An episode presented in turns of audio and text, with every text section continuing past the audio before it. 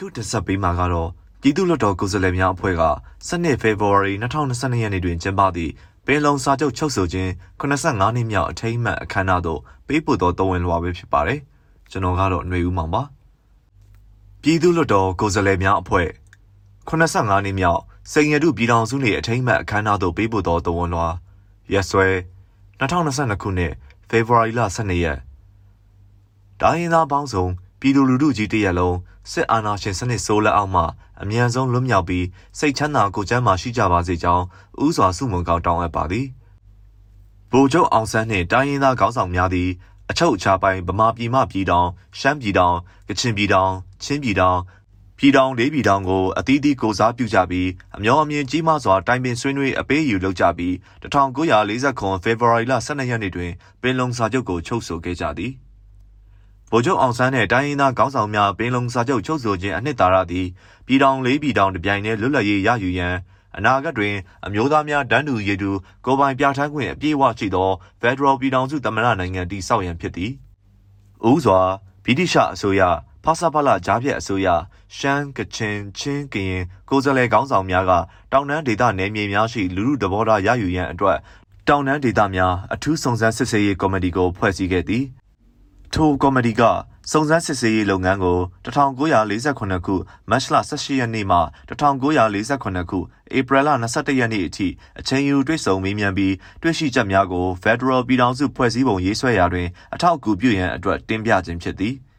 ထို့နောက်ရန်ကုန်မြို့ဂျူဘလီခမ်းမကြီး၌1948ခုမေလ23ရက်နေ့တွင်ကျင်းပပြုလုပ်သောဖာစာပလပနာမညီလာခံ၌ဖွဲ့စည်းပုံရေးဆွဲရန်အခြေခံမူ14ခန်းချမှတ်ခဲ့သည်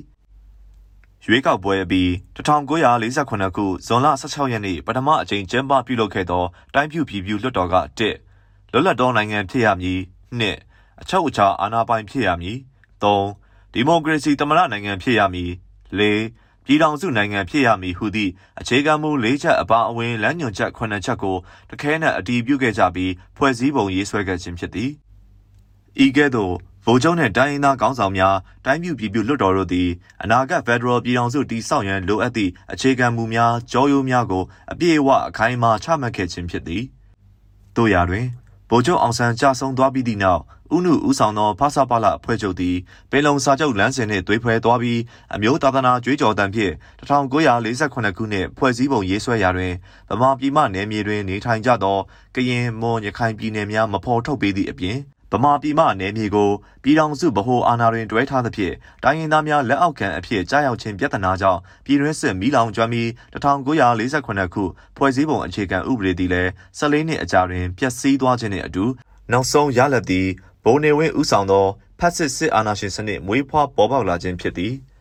ဗိုလ်နေဝင်းဦးဆောင်သောဖက်စစ်စစ်အုပ်စုသည်ပင်လုံအခြေခံမူလုပ်ငန်းစဉ်နှင့်လုံးဝဆန့်ကျင်သည့်မဆလာတပါတီအာဏာရှင်စနစ်ဖြစ်သော1984ခုနှစ်ဖွဲ့စည်းပုံကိုစိတ်ကြိုက်ရေးဆွဲကာအတင်းပြဋ္ဌာန်းလိုက်သည်။တိုင်းရင်းသားများဒန်းတူအခွင့်အရေးလုံးဝဆုံးရှုံးသွားသည့်အပြင်ပြည်သူလူထု၏အခြေခံလူအခွင့်အရေးဟူသည်များလုံးဝစိတ်သုံးခြင်းပြဿနာကြောင့်ရင်းဖွဲ့စည်းပုံသည်လည်း14နှစ်အကြာတွင်ပျက်စီးခြင်းနှင့်အတူရလဒ်သည်ကမ္ဘာအစင်းရဲဆုံးနိုင်ငံပေါ်သို့ကြာရောက်သွားခြင်းဖြစ်သည်။နဝတ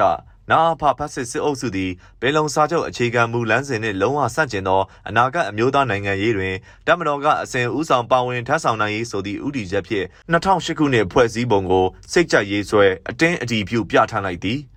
ရင်းဖွဲ့စည်းပုံအခြေခံဥပဒေအရဆယ်နှစ်ကျော်ကျင့်သုံးလာခဲ့တော်လဲတိုင်းပြည်သည်ဆင်းရဲသည့်ဘဝမှာပြန်လည်ဥမော့မလာနိုင်သည့်အပြင်ပြည်သူများစားဝတ်နေရေးအတိဒုက္ခမျိုးစုံခံစားနေရပြီးပြည်တွင်းစစ်မိသွေးချောင်းစီကအလုံးစုံပြတ်သုံးမိအခြေအနေသို့ဆက်ရောက်နေပြီဖြစ်သည်။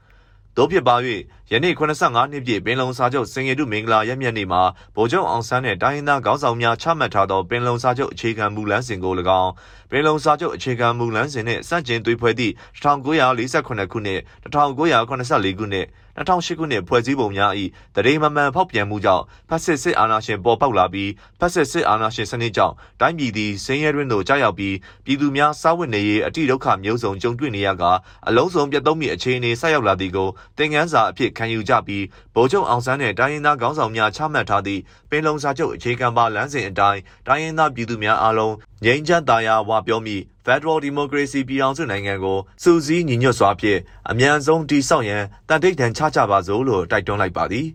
အလုတ်အမှုဆောင်အဖွဲ့1990ပြည်သူ့လွှတ်တော်ကိုယ်စားလှယ်များအဖွဲ့မြန်မာနိုင်ငံ